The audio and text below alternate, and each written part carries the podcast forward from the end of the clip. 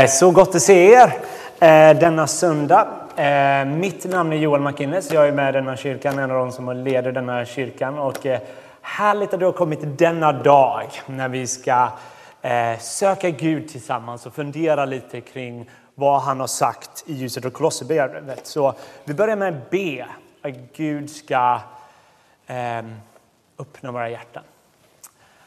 Herre, du är så god och du är mitt ibland oss, Herre. Eh, Herre, vi ber det här eh, stund vi har med predikan där vi läser Kolosserbrevet 2, att det här inte bara blir att vi tankar på mer information, Herre. Men vi, Herre, vi ber att det här ska leda till transformation. Att din heliga Ande, är det min mikrofon som låter så? Låter.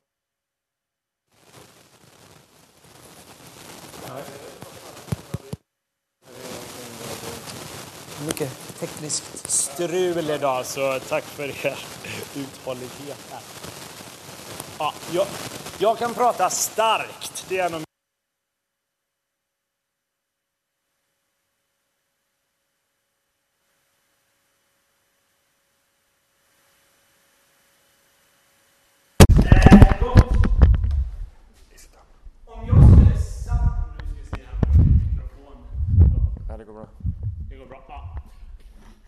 jag skulle sammanfatta Kolosserbrevet, hela dess budskap, så skulle jag säga att Kolosserbrevet handlar om hela Kristus för hela livet. Paulus som har skrivit brevet, det är som att Paulus vill presentera hela Jesus, allt vad han är, allt som finns i Jesus. Och att det är för oss nu och i resten av våra liv.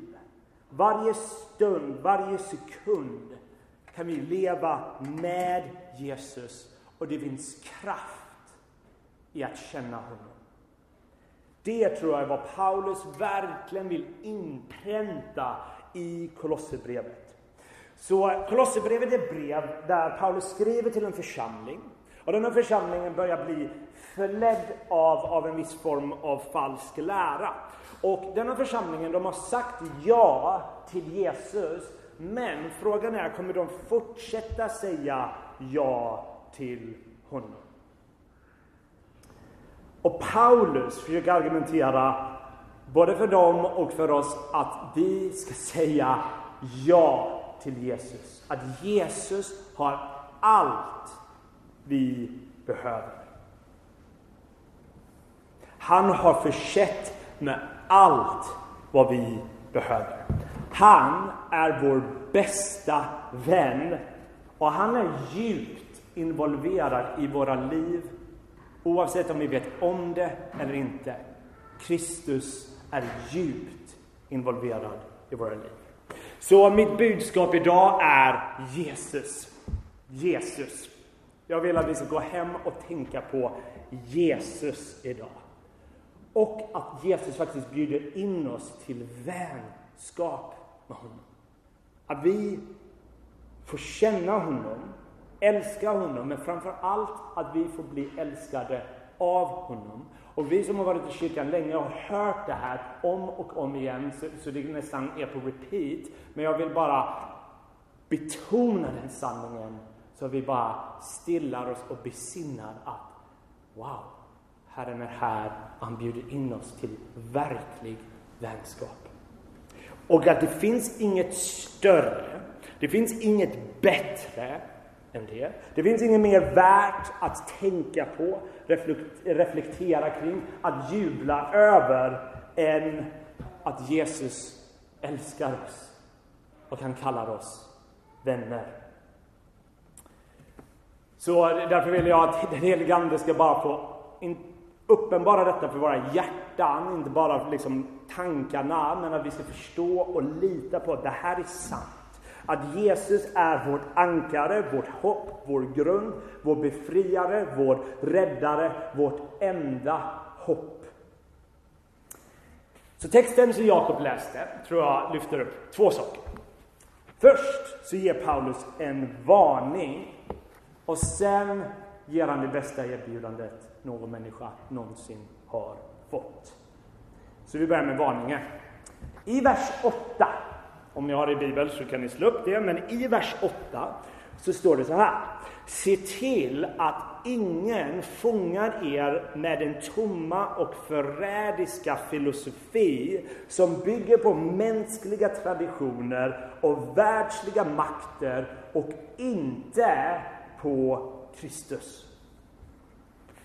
Så, så, som sagt, Paulus skriver till en församling, de, de har en association med Jesus. De, men de börjar bli lockade till att lägga sin tillit och förtröstan på annat. De verkar vara involverade i lite mystiska upplevelser och verkar ha en viss fascination med, med judiska lagar på ett sätt som tar bort fokuset från Jesus. Och Paulus vill försöka visa att Jesus är allt de behöver och inget annat. Och Paulus vet om att det finns krafter i denna världen som vill att vi inte ska tro på just det.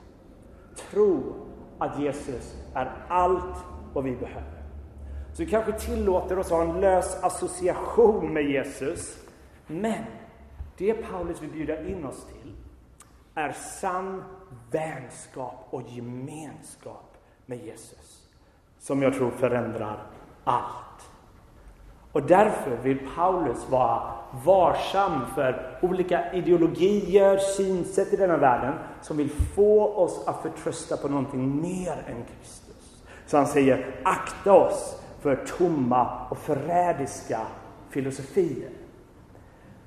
Och Paulus han är inte antifilosofi allmänt. Han, han, han citerar grekiska filosofer som inte är troende och säger här säger de kloka saker. Han kan finna vishet från denna världen. Men filosofi i antiken handlade om någonting mycket mer än vad vi tenderar att använda det ordet idag. Filosofi är mycket mer kopplat till världssyn, hur vi ser världen, hur vi relaterar till världen, hur vi tror världen eh, hänger ihop, vad vi tror det goda livet är, vad, vad det är värt att leva för. Och det Paulus sätter sig emot är att se på världen med en annan grund än Jesus.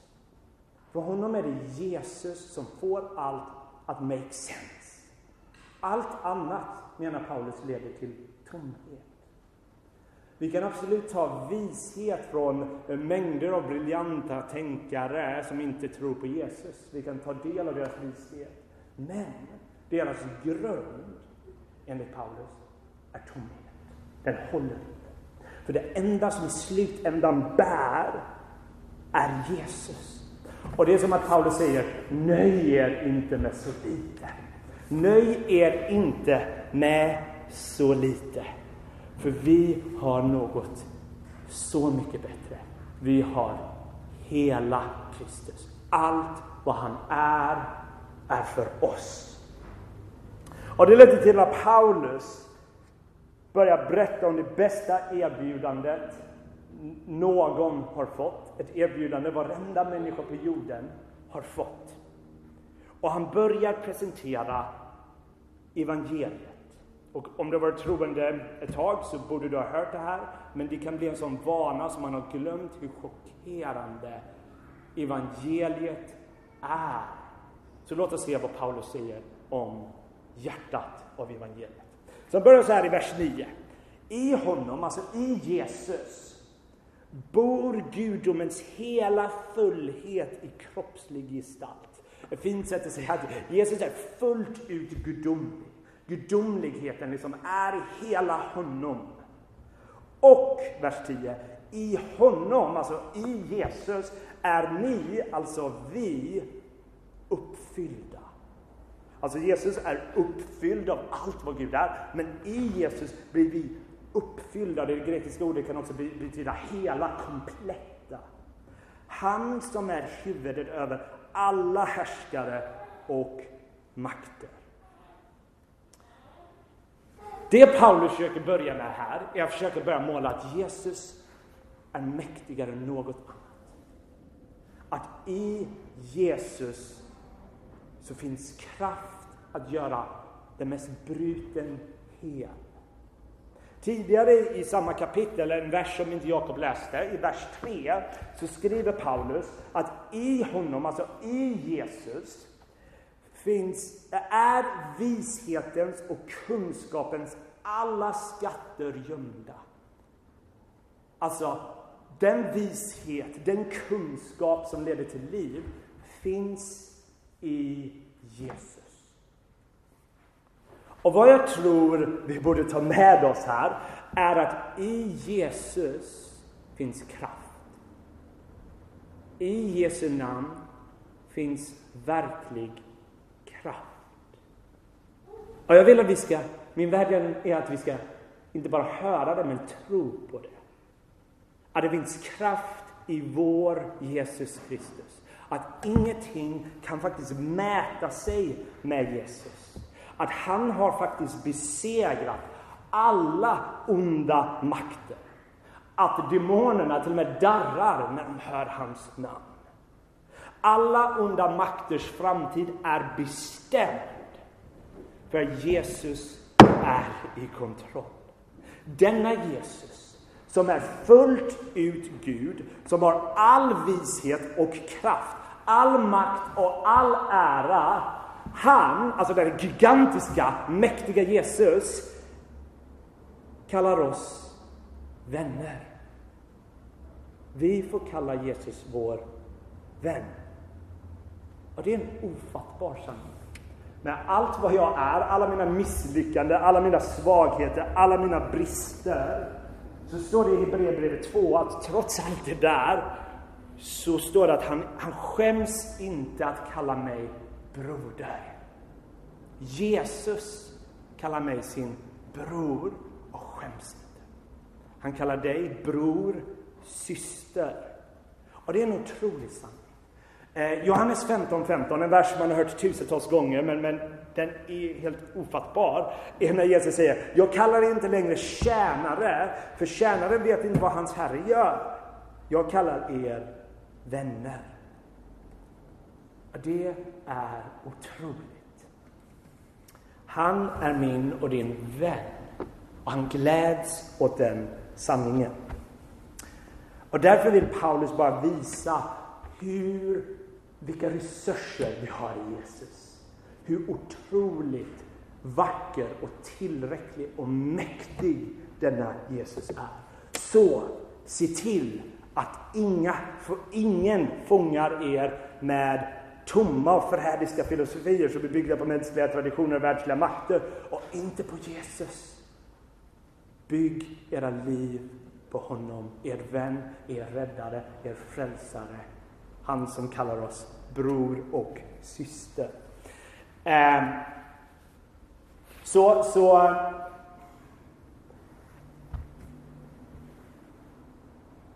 Jag vill bara betona det här med vänskap med Jesus. Det är inget ord som Paulus använder i den här texten, men jag tror inte Paulus hade protesterat att jag lyfter upp det.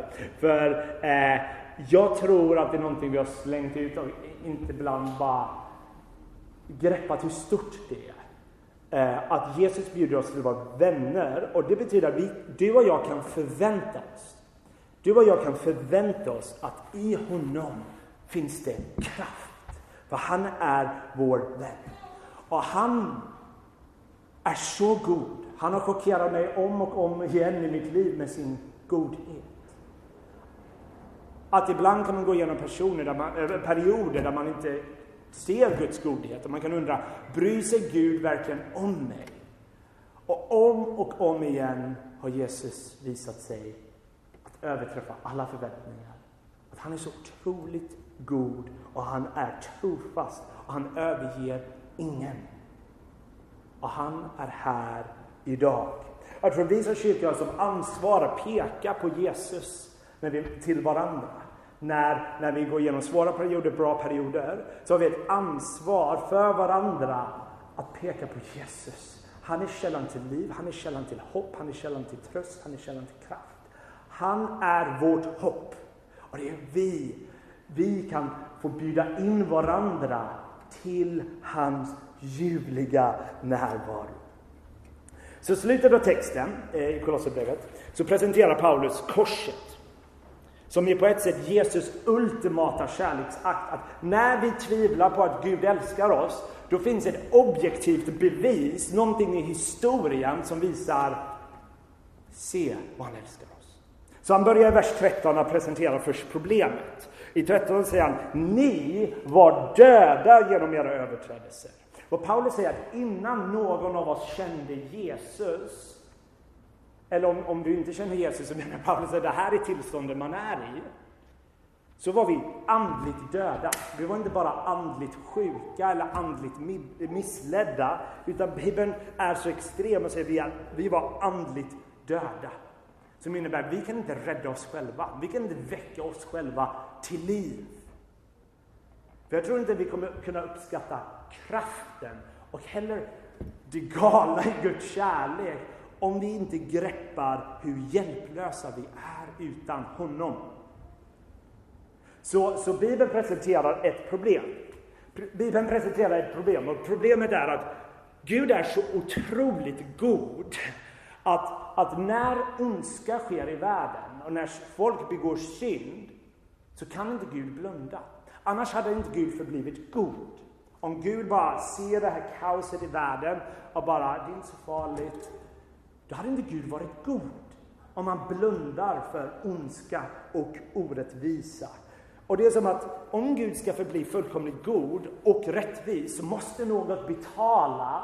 Något måste betala för att rättvisa ska ske. Så någon måste betala denna synd i världen som jag har deltagit i. Och det presenterar Bibeln som problemet som skiljer Gud och människan. Men här gör Gud det oväntade. För att Gud inte kan eh, blunda för ondskan betyder inte att Gud inte älskar. Inget drar ner hans kärlek till oss. Så Bibeln presenterar det otänkbara, att Gud som är odödlig blir dödlig. Och det står så här i vers 3, mitten av vers 3, 13 menar jag, och framåt. Men också er, vi, har han gjort levande med Kristus. Han har förlåtit oss alla, alltså varenda en, alla överträdelser och utplånat skuldebrevet som vittnade mot oss med sina krav. Det tog han bort genom att spika fast det på korset. Han avväpnade härskarna, makterna och gjorde dem till allmänt åtlöje när han triumferade över dem. Vad Paulus försöker säga att om någon måste betala så väljer Gud själv att ta på sig det. Gud själv betalar. Så att varenda kristen kan säga, nu finns ingen fördömelse för den som tillhör Jesus. Det finns ingen fördömelse. För han har gjort upp med det som skiljer Gud från människan, alltså synden. Men denna texten säger att han har gjort upp med någonting mer. Han har besegrat de onda makterna. Det står att han avväpnade härskarna makterna. Och det, det syftar nog på olika demoniska krafter. Och det är som det beskrivs att på korset så var det onda makter involverade för att se till att förstöra Jesus. Och när Jesus hänger blodig, naken, övergiven, så ser svag ut, så tänker de här krafterna att de gör Jesus till allmänt åtlöje. Se hur han är besegrad. Se hur, han är, hur de har triumferat över honom. Men Paulus säger att skenet bedrar. Att i verkligheten är det inte Jesus som förlorar, men på korset är det han som triumferar över makterna. I Gamla Testamentet så beskrivs till exempel djävulen som en verklighet, någonting på riktigt. Som en åklagare som anklagar de som tror. Och den onde vill förstöra oss. Han vill förstöra oss och fördöma oss och förbanna oss. Men den ondes vapen har tagits ifrån honom. Den ondes vapen har tagits ifrån honom. Den onde kan fresta oss, han kan håna oss, han kan förfölja oss, men han kan inte förstöra oss. För vi tillhör Jesus. Om man tar upp våra misslyckanden och synder så kan vi säga So what? Jesus dog för mina synder. Och om vi hör röster som försöker säga du är inte tillräcklig för Gud. Eh, Det där, se din själviskhet. Se hur du misslyckades med den grejen igen. Då har vi auktoriteten att säga tyst. För Jesus har dött för mig. Och jag tillhör honom och jag är hans vän. Och jag är Guds barn. Jag tror det är viktigt att påminna oss, för jag tror den onde, det han kanske gör mest idag i våra liv, är att försöka få oss att tvivla på att Gud älskar oss. Älskar Gud verkligen mig fullt ut, på riktigt? Och korset är det stora beviset på ja. Han inte bara han älskar oss och han dog för oss. Och därmed får vi utmana dessa tankar, att inte ge dem utrymme, utan tysta dem. För vi tillhör Jesus. Och Paulus skriver i Romarbrevet 8 att inget kan skilja oss från Kristi kärlek. Inget. Så låt mig börja avrunda här.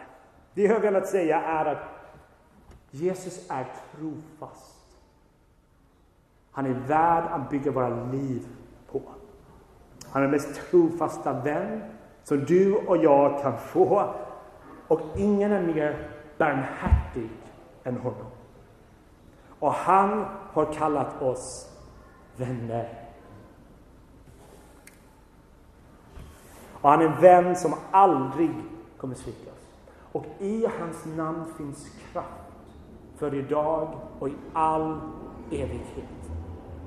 Och vill återigen att vi ska tro på att han är på riktigt involverad i våra liv och det finns kraft att komma till honom. Så därför är min önskan att, att, att vi ska tillsammans komma till Jesus och säga Jesus, uppfyll dig, uppfyll oss med hela dig och inte mindre. Vi ber om inget mindre än din vänskap och din härlighet. För du har kallat oss vänner. Och vi vill ta del av denna vänskap. Så gör vad du vill med oss. Det är en läskig bön, men den bästa bön du kan göra. Gör vad du vill med oss. Håll inte undan något. Och låt oss släppa allt på nytt och följa Jesus. Jag börjar nästan dagligen be den bönen. Herre, jag vill släppa allt och följa dig. Och jag vet att jag sen gör massa grejer i dagen som bara bevisar på att jag inte gör det. Men det är min hjärtas bön att om och om igen, för det finns en längtan, jag vill bara släppa allt och följa dig. Det är så mycket grejer som tar mina prioriteringar och bara, min frihet och min glädje finns här. Och min bön, eller min... Jag vill också bara bjuda in dig till att be den bönen till Jesus. Herre, jag vill släppa allt och följa dig. Och be den igen och igen. Även när våra liv gör konstiga val och vittnar om motsatsen så kan vi komma tillbaka. Och det tror jag, den längtan är att ta vara på och förvalta. Låt oss be. Herre, vi tackar dig för du är god, Herre. Och jag ber för mina vänner i det här rummet, Herre, att vi ska uppfylla oss med dig och att vi ska känna att det finns hopp i dig. Det finns hopp i dig. Herre, vi ber att du öppnar våra, våra hjärtan och våra ögon, Herre. Så vi ska känna att du är på riktigt, Herre. Och att vi får kalla oss vänner till dig. Och det är vi. Herre, vi ber att alla tankar som försöker säga att det inte är sant eller försöker säga att vi inte tillhör dig eller älskar, att vi är älskade av dig, Herre, ska få avslöjas för vad de är, Herre. Och Herre, vi ber att du visar oss din kärlek, Herre. Vi ber detta i Jesu namn. Amen.